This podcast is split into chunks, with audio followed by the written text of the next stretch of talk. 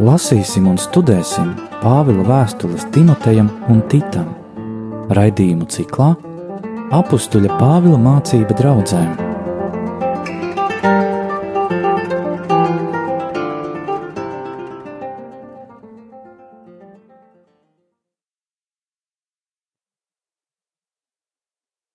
Kristus augšām cēlīs. Patiesi augšām cēlīs. Studijā Anžela un Stela. Tā kā šoreiz mēs viena otru nosaucām, lai būtu mazliet cita kārtība, un turpināsim pētīt apstuļu Pāvila vēstuli, pirmo vēstuli Timotejam, un turpināsim runāt par to, ko viņš saka Timotejam, kā vajadzētu organizēt draudzes dzīvi, un vēl nedaudz parunāsim, kā tad īsti pirmkristiešu draudzē klājās sievietēm. Nedaudz jau mēs šai tēmai pieskārāmies, bet par sievietēm pirmajā vēstulē Timotejam viņš raksta otrajā nodaļā, ko mēs nedaudz jau pārunājām, ka vispirms bija vīru pienākums lūgties svēti paceltām rokām, tas ir kā mājas priesterim, un tad mēs redzējām, ka teksts par sievietēm ir tāds, nu, kas varētu mūsdienu sievietē gauži nepatikt, tā teikt, muti ciet, klusībā mācīties, un mācītas sievai nepieļauj nedz valdīt par vīru, bet viņai jāturas klusībā. Tad nedaudz mēs pieskārāmies arī tam, ka tik ļoti dramatiski tā situācija jau nav, ka Pāvils tomēr atzina, kad ir rakstu fragments par galvas apsekšanu, ka sieviete var būt arī pravieta. Viņa var pravietot, bet tad, lai apsec galvu, un es minēju arī to vēsturisko kontekstu, kāpēc tieši tur ir tieši vēstules korintiešiem. Korintā šis galvas apseks bija tik svarīgs, ka tas parādīja sievietes vietu sabiedrībā, ka viņa ir godīga sieviete un nepiedara hetēru kārtā, kārtai vai izlaidīgām sievietēm. Un šodien mēs Mēģināsim saprast dziļāk apstuļu Pāvilu mācību attiecībā uz sievietēm, vai tiešām tad viņš ir vēlējies, lai viņas būtu tādā sliktā situācijā un vīrietim kā kāju pamesls, jo dažkārt tieši šos Pāvila tekstus, ka viņš norāda, ka sieva jābūt paklausīgai vīram un nu, tā jābūt, jābūt klusai un padevīgai, kad lūk, Pāvils ir sieviešu apspiedējs, un viņš virza to vīrieti kā tādu apspiedēju un varmāku. Bet, ja mēs skatāmies rakstus visā to veselumā, mēs redzēsim, ka tas, uz ko Pāvils aicina sievietes un īpaši vīriešus attiecībā uz sievietēm, ir ļoti tālu no varmācības, un būtībā Pāvils vīrietim ir uzlicis ļoti smagu un grūtu uzdevumu. Un te, nu, drusciņi varbūt tādus kā iebildumus mums varētu izraisīt, jo Pāvils to pamato kā Ādams pirmais radīts, pēc tam Ieva, un Ādams netika pievilts, bet sieva tika pievilta un krita pārkāpumā, taču viņa tiks izglābta dzemdējot bērnus, ja tā paliks ticībā un mīlestībā un svētā dzīvē ar savaldību. Un te par to bērnu dzemdēšanu varētu šo tēmu pat izvērst plašāk. Un es tā vēlējos, ka varbūt Anžela teiktu kādas domas, jo savā starpā mēs to pārunājām, bet viņa tā tieši teikt negrib, bet es tomēr šo domu vēlētos pateikt, ka tā dzemdēšana, bērna dzemdēšana jau neaprobežojas tikai ar fizisku piedzemdēšanu. Māte bērnu dzemdē katru dienu, katru stundu, minūti, kad viņa par šo bērnu rūpējas fiziski un garīgi, kad viņa rūpējas, lai viņš būtu paēdis, lai viņš izglītotos un pirmām kārtām nu, kā Pāvils aicina tomēr sievas mācīties Dieva vārdu klusībā, lai pirmām kārtām šis bērns tiktu mācīts eh, ticībā. Nu, labi, es varētu izlasīt vēlreiz Lūkas evaņģēliju, kur ir teikts, pirmā nodaļa. Pie jaunas, kas bija sadarināta ar vīru vārdā Jāzeps no Dāvida nama, un jaunos vārds bija Marija, un ienācis pie viņas eņģeļs sacīja, es esmu sveicināta, izredzētā, kungs ir ar tevi. Viņa iztrūkās pie šiem vārdiem un domāja, kas tas par sveicienu, un eņģelis viņai sacīja: Nebīsties, Marija, tu esi atradusi žēlastību pie Dieva, un redzi, tu tapsi grūta un dzemdēsi dēlu, un dosi viņam vārdu Jēzus. Viņš būs dižens un tiks saukts par visaugstā dēlu, un kungs Dievs dos viņam Dāvida viņa tēva troni, un viņš valdīs par Jēkaba namu mūžīgi, un viņa valstībai nebūs gala. Bet Marija jautāja eņģelim, kā tas var būt, jo es vīra nezinu. Tad eņģelis viņai atbildēja: Svētais gars nāks par tevi, un visaugstā spēks tevi pārklās Tādēļ arī, ka dzims, kas dzims, būs svēts un tiks saukts Dieva dēls. Paldies! Tad šajā fragmentā Anžela jau šo domu izvērš caur evaņģēlīju, caur pasludināšanu, un ka Marija dzemdē dievišķo dēlu, dievišķo vārdu. Un šī epizode, par ko viņi lasīja, ir šī vārda, kad vārds tiks ieņemts sievietes miesās, un vēlāk viņa arī viņu dzemdēs. Un mums jau Jāņa Evangelis pirmajā nodaļā jau saka, iesākumā bija vārds, un vārds bija pie Dieva, un vārds bija Dievs. Viņā bija dzīvība, un dzīvība bija cilvēku gaisma, un vārds tapa miesa un mājo, mājoja mūsu vidū, un mēs skatījām viņu godību, tādu godību, ka teva vienpiedzimušajam dēlam pilnu žēlastības un patiesības. Paldies!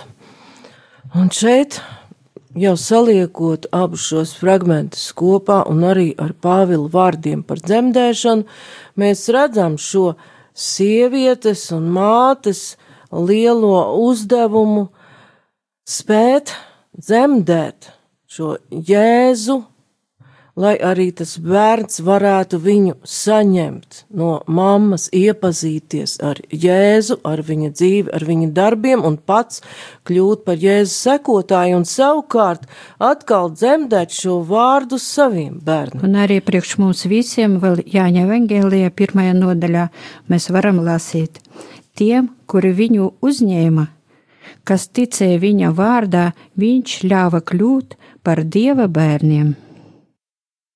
Paldies! Tātad te vēl ir šis uh, dzemdēšanas uzdevums palīdzēt otram kļūt par dieva bērnu. Un, ja atceramies Pāvila vēstules, tad Pāvils pats jau arī ir uh, Izrādās nodarbojies ar dzemdināšanu, kad ko es esmu dzemdinājis Kristu, ko es esmu dzemdinājis, ja es pareizi pat atceros, tas bija vēstulē Filemonam, ko es esmu važās dzemdinājis, ka Pāvils arī par šo garīgo uzdevumu pats runā.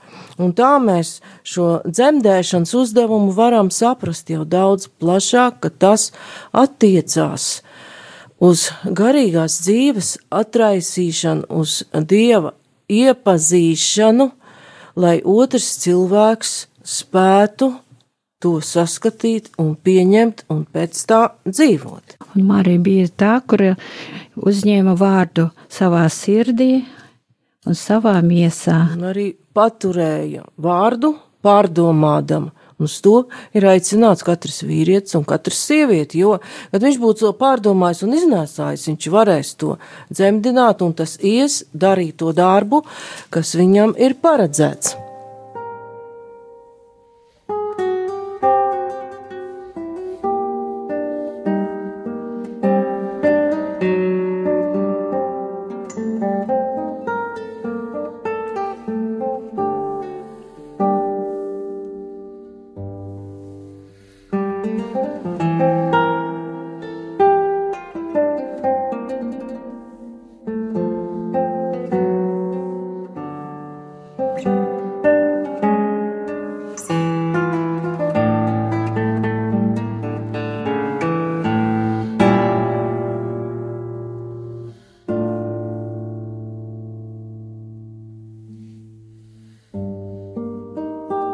Un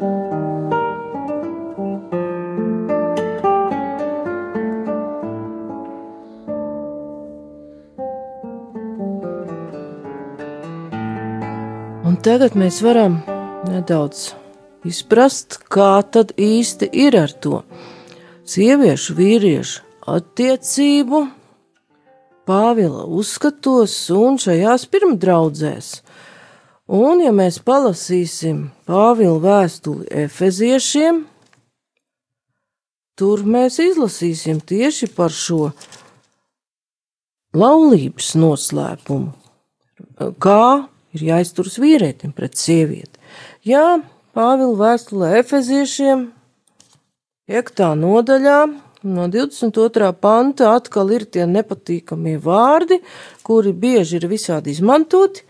Sievas, esiet paklausīgas saviem vīriem, kā tam kungam, jo vīrs ir sievas galva, tāpat kā Kristus ir draudzes galva, būdams savs miesas pestītājs. Bet kā draudze ir paklausīga Kristum, tāpat arī sievas saviem vīriem visās lietās. Un 33. pantā tur ir arī minēta sievas bijība, bet tālāk no 25. Panta ir tas, ko ļoti bieži nepiemin. Kāds tiem vīriem ir uzdevums? Vīri, mīliet savas sievas, tāpat kā Kristus ir mīlējis savu draugu, pats nododamies viņas labā, lai to darītu svētu, šķīstot ar mazgāšanu ūdenī caur vārdu, sev savu draugu sagatavotams cienīgi, bez straipa, bez krunkas vai cita tam līdzīga trūkuma, lai tā būtu svētuma bez vainas. 28. pants priekš vīriešu briesmīgs, tik smags uzdevums. Tā arī vīriem pienākas savas mie, sievas mīlēt kā savu miesu. Kas mīl savu sievu, tas mīl sevi pašu, jo neviens nekad vēl nav vienīdis pats savu miesu, bet katrs to kopj un glabā, tāpat kā Kristus draudzi, jo mēs esam viņa miesas locekļi, un tādēļ cilvēks atstās tēvu un māti un pieķersies savai sievai, un abi kļūs par vienu miesu. Šis noslēpums ir liels, es to attiecinu uz Kristu un draudzi, bet arī katram no jums būs savu sievu mīlēt, kā sevi pašu, bet sieva, lai jūt bijību pret savu vīru. Nu, kā Kristus ir mīlējis savu draugu, par šo mīlestības mēru mēs lasām visos četros evaņģēlijos. Viņš deva dzīvību par savu draugu. Un ir ļoti grūti iedomāties uh, sievieti, kura saņem šādu mīlestību, kurai nebūs cieņa un bijība pret savu vīru. Un atkal ir šis jautājums, kas ir saprasts ar vārdu bijība. Jo bieži mēs lasām, bijāt dievu, šeit ir bijība pret savu vīru. Vēl mēs iepriekš jau redzējām no e, teksta efeziešiem, ka abi kļūs par vienu miesu, tā tad tas ir arī bijība pret savu miesu, ja, ja vīrs ar sievu ir viena miesa. Bijība nozīmē arī abrīnu, arī cildināšanu par to, ka šis vīrietis ir labs, ka Dievs viņu radījis brīnišķīgi, tas nozīmē arī uzslavas izteikšanu. Tātad Pāvils būtībā dod pamācību, un arī mūsu dienām ļoti svarīgu pamācību, kā veidot labas, uzticamas ģimenes attiecības, lai šie cilvēki var būt pilnībā vienoti un nodzīvot visu savu mūžu laimīgā laulībā. Un tas nenozīmē, ka tur nebūs pārbaudījumi un viss ies ārkārtīgi labi un viegli, bet būs šī vienotība kā kristuma ar baznīcu, jo 32. pants pasaka, ka šī ģimene, vīrietis ar sievieti, kas ir kā viena miesa, ir kā Kristus un draudze, kā mazā baznīca, kā baznīcas attēls. Taču vēlāk, attīstoties baznīcas mācībai, mēs varēsim redzēt, ka šie vārdi ir arī ļoti dažādi izmantoti. Un izmantoti pat tā, ka pat līdz mūsu dienām par to ir ļoti lielas diskusijas.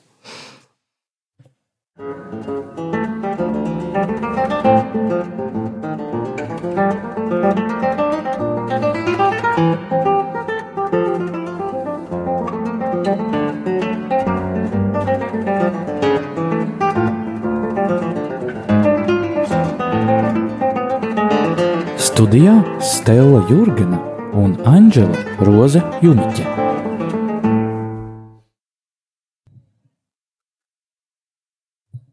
Kad nedaudz ieskatījāmies Pāvila vēstulēs jau izvērstāk, kā viņš īsti redz sievietes un vīriešu attiecības kristīgajā draudzē, arī kristīgajā ģimenē, mēs nedaudz paskatīsimies šo piekto nodaļu, kur Pāvils runā par draudzes pienākumiem pret sievietēm atraitnēm un arī paskaidro, kas viņa prāt ir īsta atraitne un kā tad īsti atšķirt kura ir īsta atraitne, kura, nu tā, viņa prāt īsti vēl nebūtu pie viņām pieskaitām, un kā šajā gadījumā draudzēji rīkoties, kā pieņemt viņas, vai uz kādu dzīvesveidu viņas virzīt.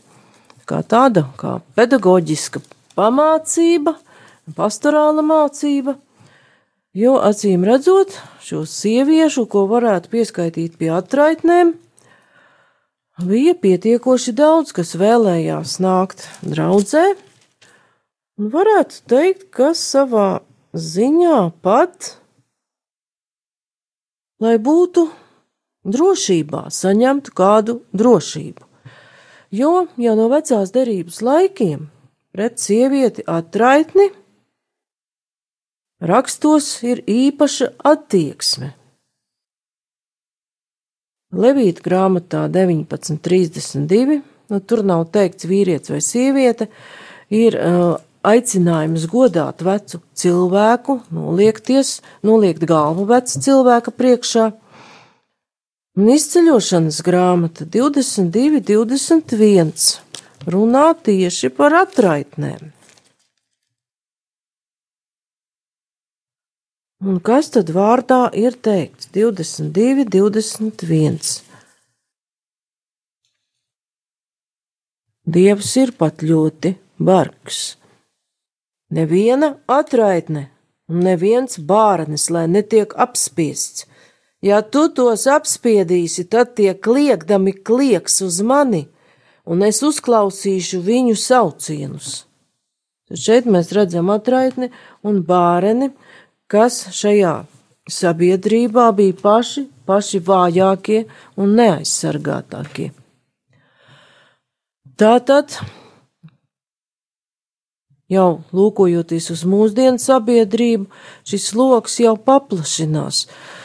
Vārds runā, Dieva vārds runā par katru nabadzīgu, trūcīgu, neaizsargātu cilvēku, kuram trūkst iztika un Viņš aicina būt pret šo cilvēku godīgam, tā tad jau varam saskatīt baznīcas sociālo mācību, ir runa par godīgu labumu sadali. Tad neapspied, nepadari viņu pliku un nabagu, to atraitni un bāreni. Un vecajā derībā tur ir šis teksts, ka viņi sauks uz mani, un es viņus uzklausīšu tā, tad Atraitnes un bāreņa, ja trūcīgā apspiešana pieder pie grēkiem, kuri sauc uz debesīm, tātad pie ļoti smagiem grēkiem. Un pirmkristīgajās draudzēs jau bija šīs rūpes par atraitnēm, lai viņām būtu sava iztikšana. Un piektā nodaļā pirmā vēstulē Timotejam, no otrā panta mēs varam par šīm sievietēm un sieviešu godāšanu jau lasīt. Vecākas sievas kā mātes, jaunākās kā māsas godā visā šķīstībā. Ja? Trešais pants jau ir godā atraitnes, tās, kas ir īstas atraitnes. Bet, ja kādai atraitne ir bērni vai bērnu bērni, tad lai tie iepriekš mācās pildīt savu godbijības pienākumu pret savu pašu dzimtu un dot pateicību saviem tēviem, jo tas dievam patīk. Tātad te mēs redzam, ka Pāvils atgādina savai draudzēji ļoti seno likumu, kas ir dots Sinai kalnā, tev būs godāts savu tēvu un māti. Kad ja ir šie bērni un bērnu bērni, tad viņiem pirmkārt ir uzdevums rūpēties par šo savu mammu vai vecmammu, kura ir palikusi viena un ir atraitne. Mēs arī varētu atkārtot izlasīt pa pravietu Annu, kura kalpoja templī un um, arī visu laiku pavadīja lūkšanā, ko bieži vien un darīja atraitnes, tās, kuras nebija iztikas Tur bija pravieta Anna, tā ir Lūks evaņģēlis otrā nodaļa. Tur bija pravieta Anna Penuela meita no Ašēra cilts. Tā bija jau krietni gados, un pēc savām meitas dienām viņa bija dzīvojusi ar vīru septiņus gadus. Nu, viņa bija atraitne kādas 84 gadus veca un nešķērās no tempļa ar gavēšanu un lūgšanām kalpodama dienu un nakti. Arī viņa tajā pašā stundā pienāca klāt un pateicībā slavēja Dievu un stāsti par bērniņu visiem, kas gaida Jeruzalemes atbrīvošanu. Paldies! Bet šeit, jau Lūkas evanģēlijā, mēs redzam sievieti, kura ir bijusi laulībā, palikusi atraitne, un ka šeit viņa kalpo dievam lūgšanu gavēšanu un ka viņa ir arī praviete. Tad viņa ir atradusi savu vietu templī, tad šis templis dod viņai arī pajumti, savu iztikšanu, un viņa tajā kalpo. Atbilstoši savam sievietes statusam.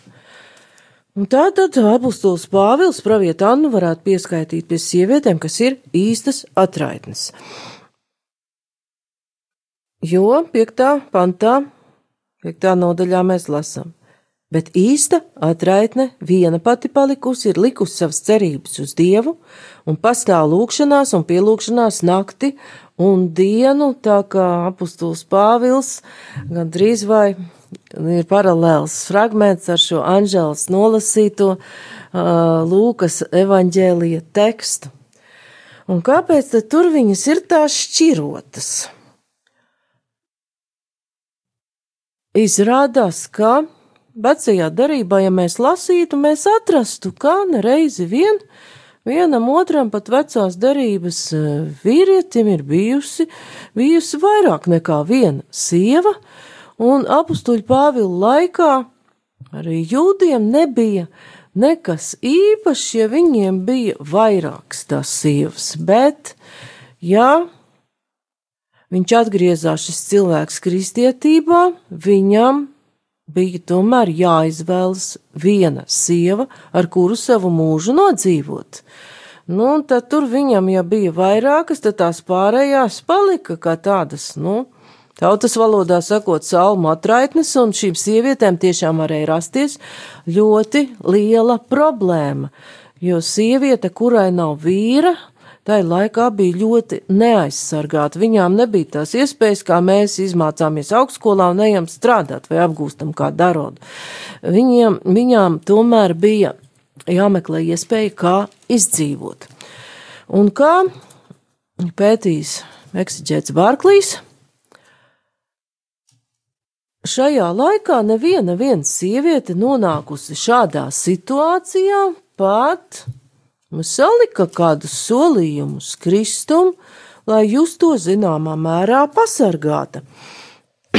jo, kā 11. pantā lasām, ka tur apustūlim Pāvilam šeit draudzēs ir bijusi kaut kāda problēma, bet jaunākas atraitnes noraidi, jo, kad viņas pārgalvībā novēršas no Kristus, tad viņas grib precēties un pelna spriedumu, ka viņas ir lauzušas pirmo uzticību.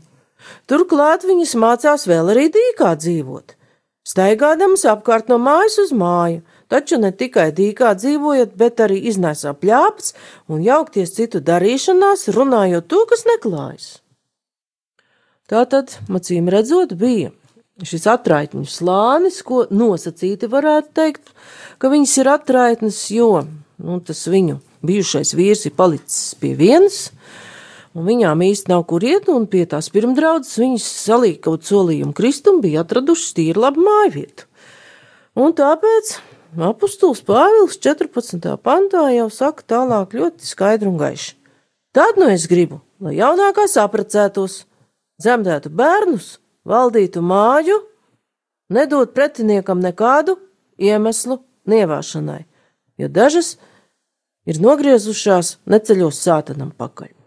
Bet atraitņu kārtā ieskaitāma tā, kurai nav mazāk par 60 gadiem, kas bijusi viena vīra sieva, un par kuras krietnajiem darbiem ir labas liecības. Viņa ir uzaudzinājusi bērnus, un bijusi viesmīlīga, ir mazgājusi svētajiem kājas, ir palīdzējusi cietušajiem un visādus labus darbus uzticīgi darījusi. Un arī mēs uzreiz varētu izlasīt no Jāņa evaņģēlija 13. nodaļas, kā Jēzus mazgā mācekļiem kājas. Ja nu es kungs un skolotājs, esmu jums mazgājis kājas, tad pienākās, kā arī jūs cits citam kājas mazgājat. Jo es jums esmu devis priekšzīmi, lai jūs darāt, kā es esmu darījis. Paldies! Un no šī fragmenta, ko nolasīja Anžela, mēs redzam, ka Pāvils nebūtu ar šo teikumu mazgājis svētajiem kājas, negrasās, to sievieti, to atraitni ārkārtīgi pazemot, bet ka viņš viņu pat paceļ ļoti tādā augstā statusā, vai viņa ir darījusi to pašu, ko Kristus ir darījis mācek, mācekļiem, tā kā tā ir sieviete, kas jau ir bijusi kā Kristus mācekli, un ar šo kāju mazgāšanu jau mēs nesaprotam tikai fizisku kāju nomazgāšanu, kas tajā laikā un tajā kultūrā bija ļoti svarīga, bet tā ir šī palīdzība otram cilvēkam, laika atrašana priekš otra cilvēka, rūpes par trūcīgu, par nabagu, par to grūtdieni, kuram ir jāpalīdz, jo kura pamešana trūkumā ir šis grēks, kā jau mēs redzējām, kas sauc uz debesīm. Un apstuļu darbos mēs varam lasīt par tādu sievieti, kas rūpējās par nabagiem, par trūcīgajiem, Un izlasīsim par šo sievieti, cik viņa nozīmīga bija apkārtējiem cilvēkiem.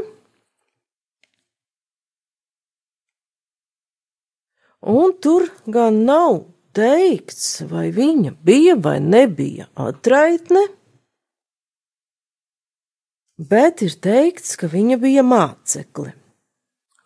Tur bija ar viņas ģimenes stāvokli, nekas nav teikts bet varētu domāt, ka viņai tiešām nebija nekādu tuvinieku, ka viņa bija vientuļa sieviete, tā tad varēja būt atraitne, un mēs varam lasīt apustuļu darbos 9.36. Jopē bija kāda mācekle vārdā Tabita, tulkojumā stirna. Tā bija labdare un nabagu apdāvinātāja. Tanīs dienās viņa saslim un nomira, un viņi to nomazgājuši nolika augšistabā bet tā kā Līda ir tuvu pie Jopes, tad mācekļi dzirdēdami, ka Pēters tur esot, sūtīja pie tā divi vīrus ar lūgumu, lai tas nekavētos atnākt pie viņiem. Pēters cēlās un gāja tiem līdzi. Kad viņš bija atnācis, viņu uzveda augšstabā, un visas atraitnes viņu apstāja, raudādams un rādīdams svārkus un drēbes, ko stirna pie tiem būdama bija darinājusi. Tā tad nav pateikts, kas tā bija pati bija. Mēs varam tikai pieņemt, ka arī viņa bija atraitne, bet šeit ir vairāk teikts par šiem labajiem darbiem, par visu to palīdzību, ko viņa bija sniegus apkārtējiem, tā skaitā arī citām sievietēm, matraitnēm, tātad viņa bija izpildījuši šo Jēzus aicinājumu apģērbt, kailo, pabarot, izsalkušo. Un tālāk jau mēs apstuļu darbos redzam, ka arī abita tiek uzmodināta no šī nāves miega, lai turpinātu savu kalpojumu. Tā tad redzam, ka apustulis Pāvils gan vīriešiem, gan sievietēm draudzē uzliek tādus ļoti augstus. Dzīves standartus, neviegli izpildāmus, kur tiešām ir izpildāmi tikai svētā gara vadībā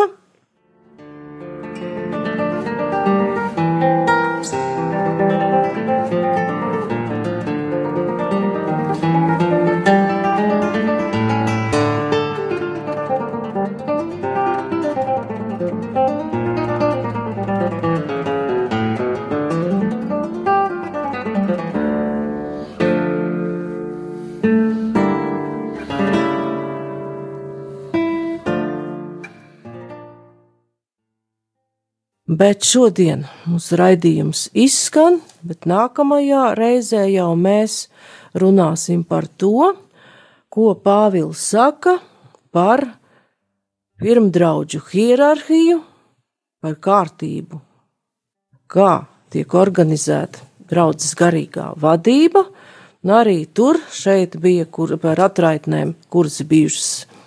Viena vīra sievas, tur mēs atkal dzirdēsim par presbiteri, kurš ir vienas sievas vīrs, un mēģināsim saprast, ko Pāvils ir ar to domājis, kāds ir bijis šis laiks, un mēģināsim nedaudz ieskatīties arī vēsturē, kāpēc Latīņa Rita baznīcā ir izveidojusies cita tradīcija. Bet šoreiz beigsim ar lūkšanu, kā jau iesākām to darīt.